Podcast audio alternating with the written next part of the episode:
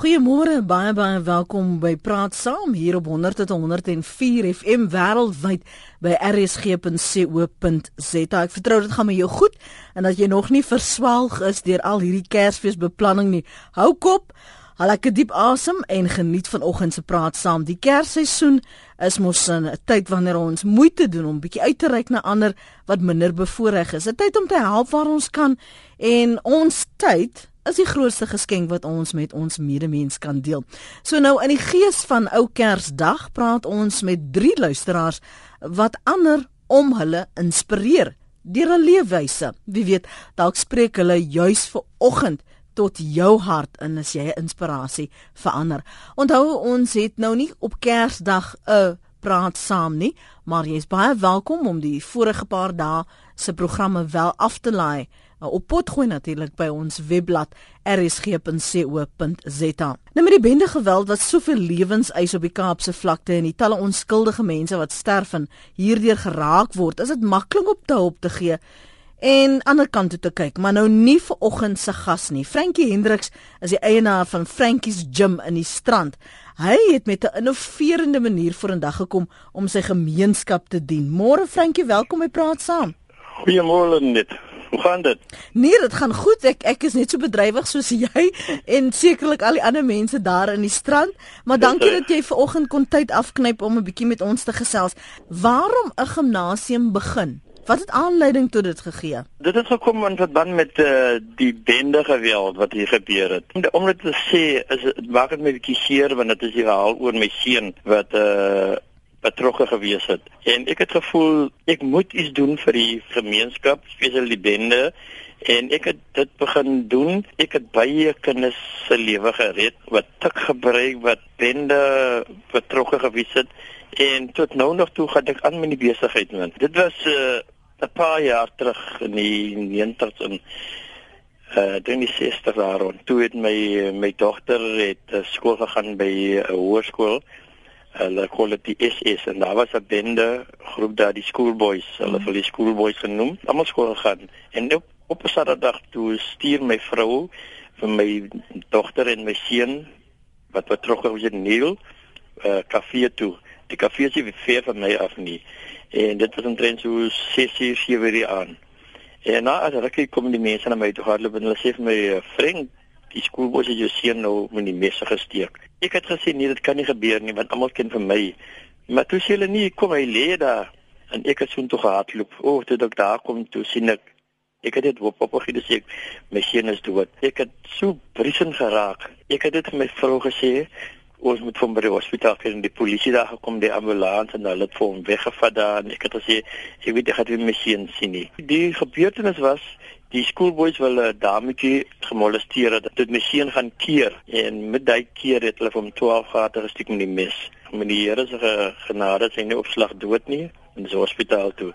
En ek het toe 'n vriend van my genader, dieselfde aan Ibrahim, en ek het hom gesê die skoolboys het my seun gesteek, gesteek met die mes. Hy het sy motor gehaal, sy bakkie en hy het ons het gery. En ons het hulle gesien op 'n plek sit en hy het een van hulle genader en hy het vir hom op die bakkie gelei en na my huis toe gebring. Ek het net blind geraak en in my huis het ek nie deure gesluit uit gesit toe ek na my kas toe gegaan, kombuiskas en ek het my byl gaan uithaal. En toe terugkom, toe vat ek hom aan sy oor, toe sê kom ek van nou almal se name hê of 'n kap jou oor af. Wat ek nie sou gedoen het nie want ek kan nie se vlieg dood maak nie. Toe uh, het hy almal se name genoem. Maandag ja, toe my dogter skool toe gaan, toe het hy vir haar gesê sy moet hulle almal sê of hulle sien by by my huis. Ek het hulle gevra met hulle ouers. Polisie was hier gewees en hulle wil die polisie wil toe 'n saak maak.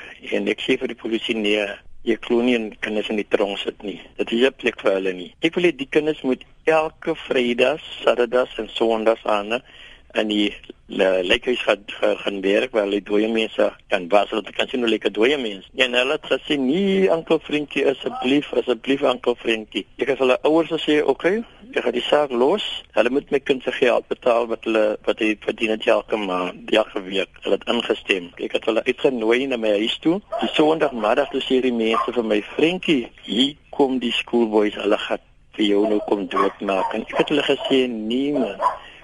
Ek glo nie dit gaan gebeur nie. Dit gaan regtig gebeur nie want ek vertrou in myself. En ek het hulle gevra, "Hoekom doen hulle dit?" om mense seer te maak. Toe begin hulle te huil en hulle het my gesê aan 'n vriendjie, "Beteken ons soeke snaakse dinge gedoen." En ons was sommer so ouers praat Maar dat sê se ouers nie, ek het nou tyd nie, ek wil my TV stuk kyk en ek het besluit ek gaan nou iets doen met hulle saam. Ek het op 'n Saterdag hier ek drie kombies en ek het vleis en wors gekoop en ek het om koelby toe geneem by ons. Ek het hulle gaan braai daar. En die mense het my gesê, "Vriend, jy gaan nie gelewendig terugkom nie want die kinders wat jou doodmaak." En glo my vry, ek het daar alleen met hulle gaan braai, gespeel, gesels. Dit het so hulle so in my hart gekruip om te sien die kinders het my seun gesteek en ek is altyd lief vir hulle. Frankie, waar het die idee toe nou van die gimnasium begin? Was dit om hulle nou besig te hou? Nee, dit was my passie gewees al die jare. En ek het begin met die gimnasium hier by my huis en ek het hulle genader en ek het hulle gevra, "Wat wil julle doen?" Toe sê hulle vir my, "Hulle wil iets doen, maar hier's niks nie." Dis sê ek vir ook ek het 'n gym hier by my huis. Kom, kom op julle besig. En daai kinders is het so vrymoedig gekom. Hulle het wel swaar gekry, maar ek het hulle daardeur gevat. Die polisie wil by my weet hoe ek dit reg gekry. Die kinders wil ken net liefde. Die Here die bende se maak nie. Hy het mens gemaak. So hulle het net liefde markeer. Ons ouers moet slag hulle oopmaak. Hoe praat 'n mens met 'n kind? Ek het nou seker nou 5 van die kinders uh, Western Province College laat kry vir die building. En hulle is nou nog by my. Hulle die mense wil my weet hoe kan jy saam met die kinders gesels die wat hulle in aan jou seun gedoen het. Ek het 'n seun verloor, maar ek het vele gered. Dit is wel hartseer want my seun het nou die 6 November vir verjaar. Dit is wel hartseer. Die Here gaan eendag vir my daarmee vrystel. Hoekom is dit vir jou belangrik om jou tyd op te offer? op op sulke verskillende maniere om jou gemeenskap te dien. Ek glo aan die Here het jou 'n gawe gegee en ek het rugby gespeel en ek het uitgevind dit is nie my dit is nie my gawe wat die Here my gegee het nie. Toe ek betrokke raak met met die kinders, met die ek is lief vir kinders, toe vind ek uit dit is my gawe wat die Here my gegee het. En is net my vrou raak raak baie keer kwaad met my, dan sê sy my, "Wanneer gaan jy rus? Jy gaan nog 'n hartaanval kry." Want jy bly uit en tuis en almal dit. Toe sê ek dit is my gawe, die Here wil hê ek moet dit doen en ek gaan dit doen. En net jy sal dit nooit glo nie. Ek raak nooit moeg nie. In die werk wat ek doen, is nie vir myself nie, vir my gemeenskap. Dit gaan net al beter vir my, al beter. Maar, en ek raak al jonger en al jonger. hoe hoe bly jy optimisties, uh, Frankie te midde van die bende geweld, te midde van al die armoede vir jong mense wat nie skool klaar maak nie, wat waarskynlik vandag en môre nie eers 'n Kersmaal sal kan geniet nie. Kersfees lê om die draai. En ek glo mos jy aan aan mense uitnooi nie.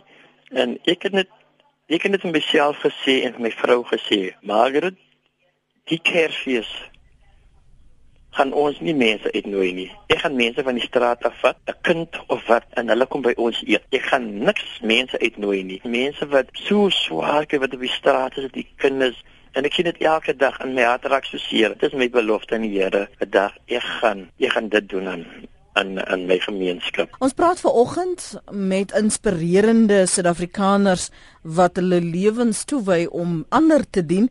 Uh, ons praat heel eerstens met Frankie Hendrik. Sy is daar van die strand in die uh, Weskaap, eienaar van Frankie's Gym. As jy nou terugkyk, wat is die belangrikste les wat die lewe jou geleer het? Ek glo aan jy moet jou naaste lief hê, soos jouself lief hê. Want as jy nie as jy nie jouself lief het, gaan jy nooit jou naaste lief hê nie. En vir die Kersfees vorentoe wil ek net vir almal 'n voorspoedige Kersfees en hulle moet net kyk rondom hulle waar die probleme lê en hulle moet hulle hande uitreik wat dit het nie en vir hulle sal dit meer gegee raak. Frankie Hendriks eienaar van Frankie's Gym in die strand as jy daar ooit in die strand te loop of dalk vakansie hou daar, gaan loer bietjie in, gaan stel jouself voor en sê, "Haai, ek het jou gehoor." op praat saam. Maritjie Botma is 'n bewys dat enige mens met 'n sterk wil en geloof hulle lewens kan herskep en ander kan inspireer. Haar kinderjare was baie anders as die gewone kindsin. Welkom by Praat saam Maritjie môre. Goeiemôre en hoe gaan dit vanmôre? Ek is geïnspireerd net omdat ek met jou kan praat want ek het jou verhaal gevolg En ek wou dit so graag met ons luisteraars hier in Suid-Afrika en die wat uh, op die mm. webwerf luister met hulle deel. Maritjie, jy's 'n aangenome kind. Aangeneem uh, op 'n baie jong ouderdom van 10 maande. Ek het ehm, 'n um, halwe sussie wat saam met my aangeneem was, Anita. Um, sy was al 2 jaar oud en ons was deur dieselfde familie aangeneem en ook dieselfde dag aangeneem. Dit was nooit eintlik 'n geheim toe toe ons groot word dat ons aangeneem is nie. Ehm um, op die ouderdom omtrent van 2 het ek geweet ek is aangeneem en daar's 'n pa wat my op daai stadium gesoek het. Dit het toe gekom dat ons aan die einde van die dag ehm um, nie om weer kom opspoor nie, maar ek het al op die ouderdom van 2 sal ek sê ehm um, het ek al geweet, weet jy wat, jy's eintlik aangeneem en dit is jou halwe sussie en die res is jou aangeneme familie. Was dit 'n moeilike aanpassing vir jou? Ja, as tiener, ehm um, uh, die, die verskil ek dink uh, wat wat baie mense wat ook aangeneem is sal sê, baie van ons is gelukkig om miskien aangeneem te word deur 'n familie waar jy nie die verskil kan sien tussen die kinders nie. Hulle lyk like almal een mens, soos een persoon se kind. Maar ongelukkig in ons familie, my sussie het baie die eienskappe en die hare, alles lyk like soos 'n aangenome familie uh, almal wat het blasvelle, almal het uh, swart hare of donkerbruin hare en toe kom ek die wit kop en die kortetjie. So ek dink as tiener het ek altyd maar uitgevoel en gevoel weet jy wat ek pas nie hier in nie. Hmm. Hoe het jy dit verwerk? Het jy met iemand daaroor gepraat of is dit maar net 'n 'n gevoel wat jy binne jou gekoester het die hele tyd? Weet jy ek het dit maar altyd ingehou. Ek het hmm. ehm um, ek dink uh, weet jy kom ek sê so al ek het deur swaar tye gegaan toe ek groot word in 'n aanneem familie Maar aan die einde van die dag het hulle my groot gemaak en ek het dit baie waardeer. Ek was bang om te praat oor my gevoelens. Ek was altyd bang om te sê maar weet julle wat ek voel eintlik uit of ek voel nee ek ek behoort in die gesin nie. Mm. Dit was ek dink die groot ding um, wat my ook gemaak het dat ek uitgevoel het. Dat die familie naderhand ook gesien het maar weet jy wat sy sy's nie een van ons nie. Ja. Want sy probeer nie eers vir ons aangaan nie. Ehm um, ek dink hulle het naderhand met my ehm um, my manier van wees, van mens wees, het hulle naderhand agtergekom maar weet jy wat ehm um, sy voel sy behoort nie. Maritjie, wat het eers gekom? Het jy eers op die strate van Hielbrau beland en toe in die township gaan bly of was jy eers in die township en toe um, in Hielbrau kom bly? Nou, ek sê was ek het ehm um, ek het eers in die township gebly En daai mense wat wie ek gebly het in Orange Farm het vir my geld gegee om deur te gaan Johannesburg toe om werk te soek op hierdie pub, uh, public taxis. En uh, daar het 'n dag gekom toe ek nou 'n uh, vriendin daar moes kry, ou skoolvriendin wat toe nooit opgedaag het nie. Dit ek nie geld om terug te gaan na hulle toe nie. Toe beland ek daai uh, daai dag toe op die straat. En maar uh, ek het toe na dit toe die ehm um, pastoor in Botto uh, wat my toe weer ingevat het toe ek uh, nog op straat was het um, ek weer teruggegaan township toe Ek gaan nou met jou verder praat oor oor die lewe op die straat en die lesse wat jy daar geleer het, maar hoe het jy in die township beland? Dit is eintlik 'n baie lang hartseer storie, maar waar ek groot geword het, is dit 'n sekere geloof, dit was 'n sendingstasie. So as jy nie basies hulle reëls en regulasies volg nie, of jy was of geskort van die plek of jy was weggejaag of hulle het vir jou na een van hulle ander plase buite kan uh, die sending gestuur om basies uh, te werk om tot bekering te kom soos hulle van jou verwag het. En ehm um, dit het uh, op 'n punt gekom waar ek weggejaag was as straf om te bekeer wat ek na plase toe gestuur om nou ehm um, te gaan werk in die lande of ehm um, in die bakkery by die skool. En daar het 'n punt gekom in my lewe waar ek net besef het weet jy wat ek kan nie meer so aangaan nie. Ek is moeg vir die lewe te probeer ek basies selfmoord pleeg. Dit is die dag toe my familie uh, wel die mense op die sending gebel het en gesê weet jy wat jy nou jou keuse gemaak. Jy wil nie verander tot op wat ons glo nie so dis maar beter dat jy jou eie plek in die lewe vind en dis toe die swart vroutjie um my eintlik ingevat het en gesê kom bly dan saam met my en my familie in township. Maar dit moet seker baie vreemd gewees het. Jy het net nou gesê jy het die hele tyd uitgestaan in jou kinderjare want jy was kort en 'n blonde hmm. kop. In die township het jy seer sekerlik soos 'n seer vinger uitgestaan. Weet jy ek het ek het um, maar ek dink uh, soos ek uh, uh, al vir baie mense gesê het ek dink nie feit dat ek totale magtig was het my uh, um, ek het naderhand nie eens uitgevoel nie. Dit het uh, vir my normaal gevoel want die mense het my aanvaar net omdat ek hulle tale kon praat en kon respekteer in hulle tale. En ehm um, so weet jy al het ek geweet ek is die enigste blanke een in 'n baie gevaarlike township wat Orange Farm is hier in die land is 'n baie uh, baie gevaarlike township. Het die mense my net aanvaar en gerespekteer omdat ek hulle taal gepraat het. So ek het nooit eintlik so uitgevoel nie. Dis nou die een ding wat ek nie vir ons luisteraars gesê het nie, is die feit dat jy wel ter tale is veral wat Afrika hmm. tale betref Waar het jy dit geleer? Dit is waarvoor ek baie dankbaar is. Uh, my pa was uh het um, in daai jare in die 80's het hy 'n kerk ondergrond gehad vir die nie blankes nie. En um, hy het uh, daar 'n punt daarvan gemaak dat as ek kan nie uh, Zulu of Sotho of Xhosa praat nie. So ek preek vir die nie blankes nie. Hulle kan my nie mooi verstaan nie. So um, hy wou gehad het ons kinders moet leer om in hulle taal te praat sodat as, as as hy preek, moet ons sy hele sermon, ja. sy hele kerkdiens moet ons nou vir hom vertaal sodat hulle beter kon verstaan. So dit is waar my tale begin het nog voor voor my skool skooljare. Wat was hierdie aksie in die township toe jy Hoeka Afrika tale beginne besig? Baie verwelkomend, mm -hmm. baie warm. Ehm um, as ek net kan sê, ek sou nie geweet het waar ek is vandag as jy kyk na waar ek uh, waar ek wat ek deur is om te kom waar ek is vandag nie. Ek is een van daai blanke mense wat nooit die uh, die geleentheid gekry het om uh, in 'n hoërskool in te stap nie. Ek het nooit die geleentheid gekry om hoërskool klaar te maak of matriek klaar te maak of te gaan swat nie. Maar deur my tale kon ek iets van my lewe maak. So ek sal sê weet jy wat hulle het eintlik vir my 'n uh, weg oopgemaak. Hoeveel tale kan jy praat? Ja, weet jy ek sing uh, graag in 13 tale. My pa was baie lief om sy kinders te leer sing. Ons was bekend as die Pretoria koor of die van der Walt koor. Ons vier jongste kinders in die huis. Ek praat uh, Zulu, Sotho, Xhosa, Duits. Ek sing Portugees, Frans, Spaans. Uh so ja, ek sing nogal uh, en praat nogal 'n klompie.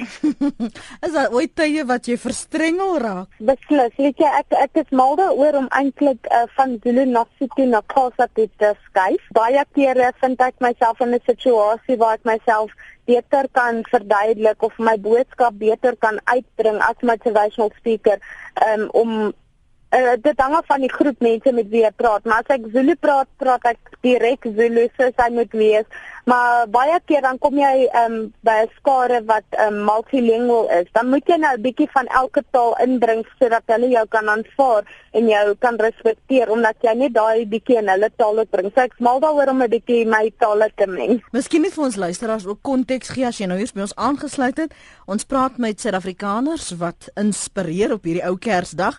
Maritjie Botma is een van hulle. Sy is wel ter tale soos jy nou gehoor het. Sy kan in 13 tale sing sy en sy praat eh, sewe Afrika tale mm -hmm. en die die skare na wie sy verwys is hierdie geleenthede uh, die events wat uh, sy van tyd tot tyd as seremoniemeester hanteer. Vroeger uh, het sy ook al die geleentheid gehad om een van die aanbieders te wees by uh, president Jacob Zuma se inhuldiging op straat terwyl daar mense was in die township wat vir jou omgegee het. Hoe dit gebeur? Dit het ingekom in my lewe waar ek ehm um, finansiëel niks gehad het nie. Ek het nie die ehm um, geld gehad om op 'n taxi te terug te klim en terug te gaan uh Orange Farm toe nie. En my enigste oplossing op daai tyd was om 'n plek te kry en ongelukkig was daar nie 'n plek vir my nie. Ek kry nou niks, ek het geen kwalifikasies nie. Ek het nie geld om terug te gaan waar hulle my basies um ingevat het nie. So die beste is om die beste van die saak te maak op daai stadium. Toe het ek daai dag, daai aand eintlik op die hoek van 'n robot gestaan oor kan die um hotel in 'n uh, Meelbrau en daai het ek gesing en ek het 'n bietjie geld gemaak met dit en toe gaan uh, bad ek nou by die heel, by die hotel het nou klaar gebad het, het ek nie meer geld nie. En uh, toe besluit ek wel dan slaap ek onder die bokse, maar miskien as ek sing elke dag sal ek genoeg geld hê eventueel om terug te gaan na die mense wat my ingevat Maritjie, hoe lank was jy toe nou op straat daar in Hielbra? Hoe lank het jy daar gebly? Ja, dit was om en by uh amper uh, om en by 2 jaar se kant wat ek daar was. Ehm um, ja, ek sou sê ek kan nie presies sê nie, maar was omtrent 'n jaar, 2 jaar daar rond. Ek kan nie reg onthou nie. Ja. En hoe gebruik jy nou jou talent om uit te reik na ander? Eh, die Here het vir my gewys dat weet jy wat jy kan jou talente gebruik om eintlik 'n lewe vir jouself en 'n toekoms vir jouself te bou en vir jou gesin. En uh, dit is toe waar ek besluit het, maar weet jy wat, miskien moet ek maar kanse vat in my lewe en my tale gebruik om vir myself ietsie te bou, 'n toekoms te bou. Was jy nie en, op, uh, televisie nie, Maritjie? Dis Ek is nie aan dit uh, ek doen nee, dit nie, maar ek is eintlik in baie advertensie en daar's groot planne vir die volgende jaar wat kom waar ek um, aanbieding werk ook gaan doen. En wat is die reaksie as mense uitvind dat jy as 'n Suid-Afrikaner so wel ter tale is, veral wat Afrika tale betref? Veral met die geleenthede as jy byvoorbeeld seremoniemeester is. Weet jy, um, die mense se reaksies is amazing. Ek gaan nie lieg nie. Weet jy, uh, om te sien hoe baie blanke mense wil eintlik die Suid-Afrikaanse eh, die Afrika tale leer. Ehm um, en die weet jy dit gaan nie net vir my oor die respek nie, dit gaan vir my oor die boodskap oordra dat dit maak nie saak uh, uh, wat se kleur of wat se taal of wat se kultuur jy is nie. Ehm um, as jy net gewillig is om 'n woord of twee in iemand anders se taal of kultuur wil leer, dan kan jy vir jouself 'n lewe bou. So dit inspireer baie mense. Weet jy, ek kry uh, omtrent elke dag mense wat vir my sê, "Sê gou hierdie woord vir my of daai woord vir my, ek wil hoor of jy dit reg sê." Is 'n uh, uh, As ons kyk na die Zulu taal, jy moet sekere woorde kan uitdruk en sekere woorde soos as ons kyk na 'n eier. 'n Eier in Zulu is ikanda. So hulle luister altyd vir daai kas klank om te hoor of jy dit regtig reg sê. as as as as sekere tye wat jy 'n bietjie sukkel of kom dit maar vlot altyd? Weet jy ek is gelukkig as dit kom by Zulu is ek vlot. Ehm um, ek ek leer tans uh, Zulu mense om hulle eie huistale te praat. Sjoe, maar dis mos dis daarom 'n inspirasie om dit te kan regkry. Ja, ek sê maar nog 'n bietjie met die city. Mm. Ehm um, ehm um, ek wil ek is nie so vlot met die city nie as met die Zulu en die Xhosa.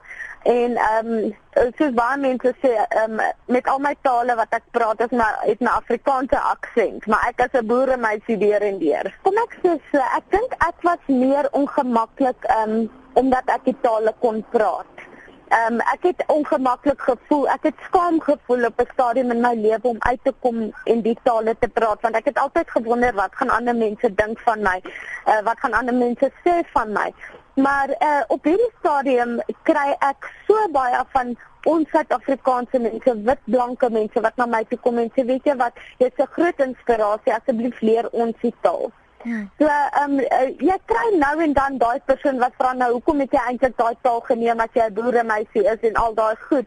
Maar aan die einde van die dag gaan dit vir my oor om 'n 'n 'n voorbeeld vir ander mense te wees en ook 'n inspirasie vir ander mense op dieselfde tyd. Dat hulle nie net maar ek sien as sy in geraak om net sy Afrika taal kan praat nie, maar ook vir my persoonlikheid en vir wat ek vir ander mense doen. Kersfees is 'n tyd wat mense of met familie spandeer of baie van hulle hmm. is alleen en baie kyk terug na die jaar wat was en en onthou ongelukkig net die slegte dinge. Jy het al so hmm. baie terugslaan in jou lewe gehad. Hoe hoe het jy vrede gemaak met jou verlede? Ja, ehm um, Lenet, ek gaan nou nie vir jou lieg nie. Dit is maar eers toe ek kinders gehad het wat ek besef het maar weet jy wat ek moet nou 'n lewe bou. Ehm um, ek het ongelukkig in uh, met my seentjie het ek my seentjie nie welsyn verloor want op daai stadium van die lewe en dis onlangs in 2008 ehm um, kon ek finansiëel nie vir hom sorg nie en ek het my kind so verloor. En ehm um, ek het op 'n punt gekom waar toe my dogtertjie gebore is, het ek 'n belofte aan myself gemaak. Ek sal nooit weer toelaat dat enige iemand my kind wegvat van my. Ek het klaar kind verloor. Ek weet hoe dit voel om nie ouers te hê nie en goed. So ek wil eerder kyk wat ek kan doen vir my kind en ek het 'n kans in my lewe gevat en gaan oef uh, gaan sing by 'n sangkompetisie en ek het Zulu gesing en iemand het my daar raak gesien en gesê weet jy wat jy kan eintlik 'n lewe in die TV bedryf bou. En ehm um, ja, dit was dit begin het en daai dag het ek besef die Here het 'n plan met my en nou kan ek eintlik 'n lewe vir myself en vir my gesin bou. En jou boodskap aan ander mense wat voel die wêreld het van hulle vergeet wat dalk iewers net nog 'n gesig op straat is, Maritjie.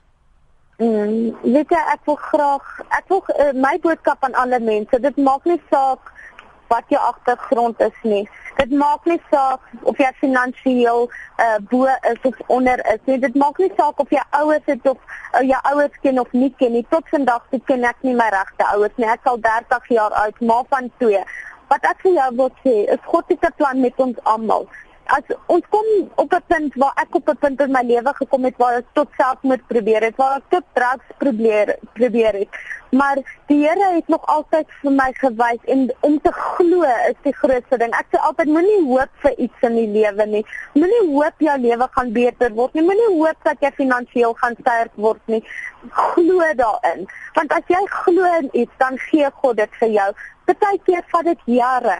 Ek sê vir ek vir die luisteraars, weet jy, ek het jare gewag vir wat nou in my lewe gebeur en om eerlik te wees, ek het nooit verwag dit sal so groot raak soos wat dit geword het nie.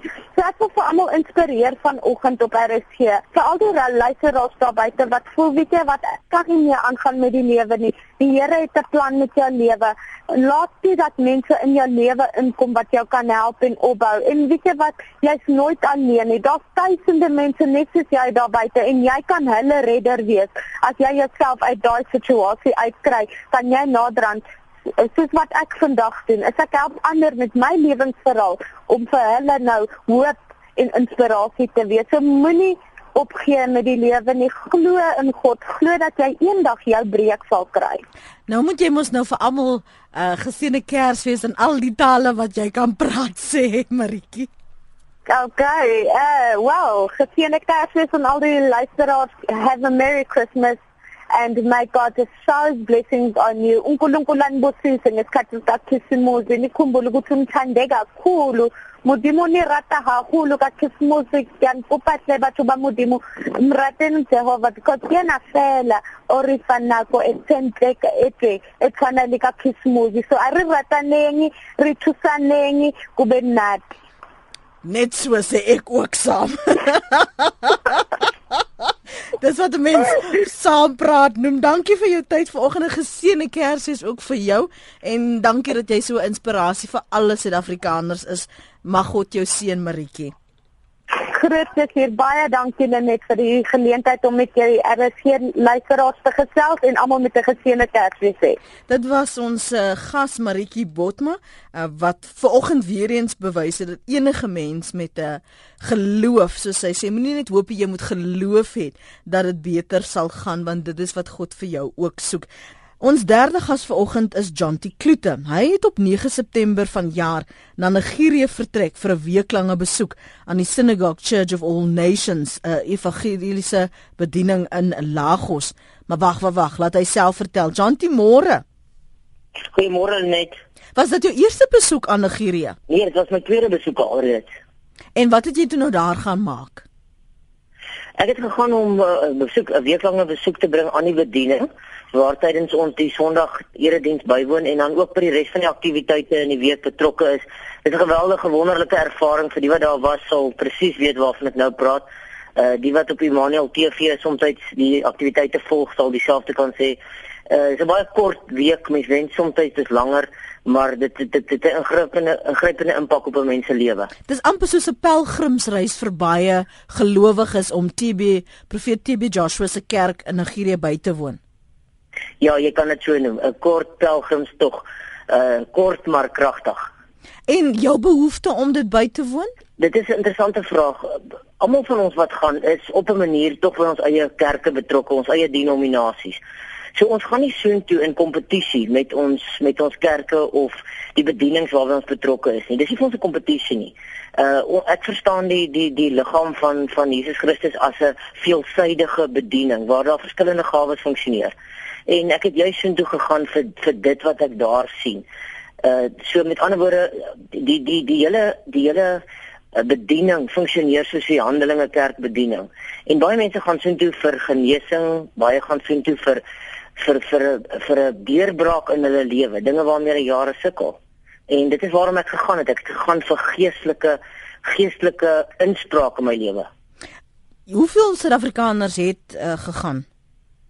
Op die stadium wat ons van praat met die insident was daar uh daar was vyf verskillende groepe en kyk daar's verskillende koördineerders in Suid-Afrika. Dit is makliker om in 'n groep te gaan. Daar's baie dinge soos jy weet, dis die buiteland en die visums, die paspoorte. So die koördineerders reël 'n groep en hulle vat dan die groep oor. So daar was vyf groepe gewees op daardie stadium. En dit het 'n totaal van omtrent 350 Suid-Afrikaners gemaak in daardie spesifieke week. En waar het julle gebly? Ons bly gewoonlik, daar is verskillende akkommodasie. Die eerste keer wat ek daar was, het ek op 'n spesifieke plek gebly, die tweede keer weer op 'n ander plek. Dit dit hang absoluut net af um, van die van die internasionale besoekers. Daar kan mense van uh, al die lande van die wêreld op daai stadium op daardie stadium daar wees. So dit hang net af van die plasing. En ons het uh, die die groepe is inge inge ehm um, inbespreek in die gebou oor kan die pad van die kerk af. Twee, daar's daar's eintlik twee geboue en die groepe is ingeboek in die twee ge geboue.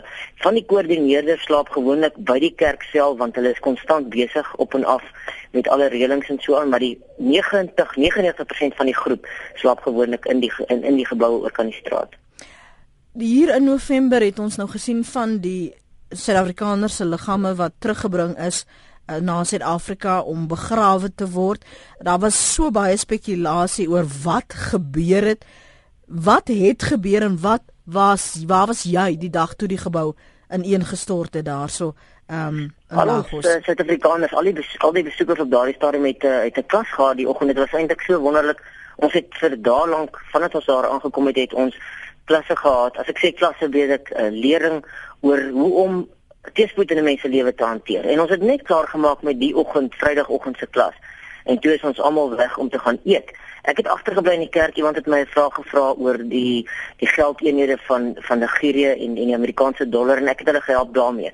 So het drie van ons agtergebly in die kerk en 'n paar ander met ander reëlings. Maar die groot groep het oorgestap om te gaan eet. So toe dit gebeur het, het ek ons het onmiddellik daarvan te hore gekom en toe het ons onmiddellik die Suid-Afrikaners wat daar was bymekaar gebring, gou-gou afgemerk en toe het ek oorgegaan na die terrein van die insident. En wat het jy daar gevind? Want ons pr praat nou hier van die 12de September vanjaar. Dis korrek, die 12de September, dis nou alweer 'n paar maande gelede, maar weet jy, as ek my gedagtes laat teruggaan, dan is dit soos nou, uh, dis iets wat jy nie in woorde kan verduidelik wat jy daar sien nie. Jy weet, die gebou uh, het sê 5 5 vloere bo op die grondvloer, dis 6 vloere uitgetroon teen die horison. En die volgende oomblik is daar niks nie. En as jy daar kom, dan is daar net 'n hoop rommel. Jy sien net konkreet, jy sien net uh, staal, jy sien uh, jy sien eintlik chaos. Uh daar was baie mense want dit is op 'n publieke pad. Die kerk is is op 'n publieke pad geleë. So die mense het natuurlik ingestorm om te gaan kyk wat het gebeur. En en dit was absoluut te chaos, maar gelukkig baie vinnig het daar orde gekom. Die polisie het vinnig gekom, die rooi kruis het gekom en die kerk se mense het net ewe skielik in in in plek gespring en en almal het begin om om die situasie op te klaar deur die die nuuskieriges en die omstanders weg te neem die vrouens en die kinders te verwyder na veiligheid toe en dan uh, te begin om hierdie gebou uh, van 'n kant af te vat en te kyk waar kan ons in die gebou inkom. Het jy eerste hulp ervaring gehad? Hoekom het jy besluit om in te spring en te probeer help? Ja, Ja, absoluut. Dit is die rede. Kyk, die die kerk het ehm um, die kerk het absoluut uh handhaaf 'n beleid waar hulle sê die die besoekers moenie verder in gevaar gestel word nie. So, hulle het al die besoekers veilig in die kerk ge uh, jy weet laat sit en so aan, maar ek het myself aangemeld gesê ek het uh eerste hulp ondervinding en ook op die ambulanse gewerk en en ek voel net ek moet betrokke wees as my mense wat daar is in elk geval. Maar uh, jy weet dit gaan nie eintlik oor oor mense eie mense nie. In so 'n krisis weet jy jy kan help. Jy gaan definitief nie jou kop verloor nie. En en wat ook al jy kan doen, gaan definitief 'n bydrae lewer. In daardie stadium was daar Suid-Afrikaners wat jy kon help? of mense ja, wat jy eh, kon red. Ja, mense ek het mos nou geweet dat daardie gebou het spesifiek die meeste van die 350 huise en hulle gaan nou middagete daar eet. Dit het op middagete gebeur. Dus dit was eintlik so as 'n mens terugdink daaraan dan kan jy dink dit is jy weet in 'n mate beplan geweest want dit was nou die perfekte tyd om al die mense daar te kry. Kyk, kyk hierdie situasie is is nie 'n ongeluk geweest nie. Ongelukkig het mense van die begin af sommer net gedink die gebou het omgeval, maar enigeen wat daar was of wat die uh wat die wat die uh, videomateriaal gesien het, sal dadelik kan sê maar hierdie is nie 'n normale uh ineenstorting van 'n gebou wat se struktuur nie goed is nie. So dit was tydens middagete toe omtrent almal in die gebou was. En uh die, die my my eerste waarneming was die ambulanse wat op die toneel was en en dit was wonderlik die kerk het 11 ambulanse op die perseel gehad. So ek het myself dadelik by die ambulanse gestasioneer en soos wat hulle uitgekom het 75 alreeds op daai eerste dag. Onthou dit het kwart voor 1 omtrent gebeur in uh, Nigeriese tyd en daai eerste aand nog voor 1 uur daai nag het daar reeds 75 mense uitgekom uit die gebou uit. Dis wonderlik, dis fantasties om dit te sien. Die omstanders, die mense wat gehelp het, het het het erewagte gevorm vir die vir die mense wat op draagbare uitgekom het. Dit was dit was soos 'n feesviering om elke persoon te sien uitkom. Net vir ons luisteraars sê jy glo nie dit was 'n ramp en 'n ongeluk nie. Glad nie, glad nie. Net uh jy weet ons ons wag net maar vir die regte tyd. Daar is 'n hofondersoek mos gewees ja. in in November maand in Nigerië waar na al die al die uh laat ek sê die feite gekyk is, maar ook ek self is in die hofondersoek betrokke. Dit was elke dag in die in die in die Hooggeregshof in Lagos en en ek kan mos sien wat aan die gang is daar. Ons ons wil nie vroegtydig praat nie. Ons wag dat dat die feite op die tafel kom, maar ek kan baie duidelik sê dat hier is beslis 'n derde faktor betrokke. Ek ek wil vir jou vra in daardie oomblik wat jy sien daar's soveel mense wat onder hierdie pyn begrawe lê. Is dit tyd om te dink wat gaan deur jou kop? Weet jy, dis interessant dat jy dit vra. Uh ek besef nog steeds nou dat ek glad nie eers gewonder het wat gebeur het nie. Weet jy, mense se oorlewingsmeganismes skop so gou in. Jy dink nie jy staan nie en wonder nie. Ongelukkig uh, het ons waargeneem dat die Nigeriese regering het wel van hulle mense gestuur en hulle het mos nou groot beplanning om te maak en hulle moet vergaderings hou oor hoe hulle hierdie situasie gaan hanteer, maar ons het net ingespring en ons het begin om om die rommel van mekaar af te vat. Jy weet die mense het met die hand het hulle stukke beton weggedra sodat jy net kon oopmaak want ons weet mos nou daar's beperkte suurstof in hierdie gebou dit is warm in Lagos. Ek meen soos dit is, het 'n mens uh, uh, lugverfrissers nodig die hele tyd oral waar jy is. Mm -hmm. Lugversorgers. So ons dit is warm, dis bedompig en dan sal natuurlik beserings. Daar kan bloeding wees, daar kan uh, enige tipe van uh, uh, ledemaatbeserings wees, mense wat dringend hulp nodig het. Ek het ons het glad nie gedink nie. Weet jy wanneer het ek begin dink omtrent die Sondag, uh, dit het Vrydagmiddag kwart voor 1 gebeur. Ons het reg deur die nag gewerk, reg deur die volgende dag en en hier by Sondag het ou begin moeg raak en toe is ons nou vervang deur ander ander mense wat nou weer op die spesifieke stasies jy weet hulle poste oorgevat het. Ja. Maar ons het net ons het net 'n mens help net jy dink nie jy wonder nie dis na die tyd wat jy vir jouself sê wat het nou eintlik gebeur. Ja. Vir die luisteraars wat nou eers by ons aansluit, ons praat met Jantie Kloete. Hy's 'n Suid-Afrikaner. Hy was in Lagos die dag uh, toe daar die tragiese ineenstorting op die 12de September uh, gebeur het by die Synagogue Church of All Nations van profeet TB Joshua en hy deel nou sy ervaring van wat hy gesien het na die ineenstorting en hoe dit hom geraak het. Ons fokus vanoggend op mense wat van hul lewens en hulle ervarings met ander deel om hulle te inspireer. Hoe het hierdie gebeurtenis jou lewe verander, Jantie? Oef, uh, dit is iets wat ek uh so baie oor dink oor hoe my lewe eintlik verander het sonder dat ek net eers fisies daarvan bewus is. Weet jy, Lenet, uh dis Kersfees. Ek dink aan al die families wat môre vier sonder daardie geliefde van hulle. Uh ek self kon daar betrokke gewees het. Weet jy, al troos wat 'n mens het is dat 'n mens se lewe is in God se hand. As jy nie daardie troos het nie, dan kan ek vir myself vra ehm um, waarom dan nie ek nie en 'n ander persoon kan vra waarom moet ek vandag hier sit in in en en sy man of, of of haar man of sy vrou is is nie saam met ons nie. So dit het 'n impak gehad dat ons anders na die lewe kyk. 'n Mens besef het geen beheer oor jou lewe nie. Ons het sin toe gegaan om geestelik ons lewens te verryk. En en en daar het 85 van ons 86 van ons het het het, het ons brug bereik om oor te steek na die lewe hierna. Mm -hmm. En uh jy weet 'n mens kan nooit weer dieselfde wees. Mens kan nie net aangaan asof niks gebeur het nie. Daar was baie vrae, daar's altyd vrae en uh oor hoekom jy's daar, maar ek glo dat ons land, Suid-Afrika spesifiek, gaan nog baie baie baie groot seën kry juis uit hierdie gebeurtenis. Dit is moeilik om nou te verduidelik hoe, maar ek glo daar's vir ons 'n deur oopgemaak vir daar's so baie dinge waarvoor ons mense uh hulp nodig het. Ons het ons het net soveel ons het seën nodig en ons gaan dit kry.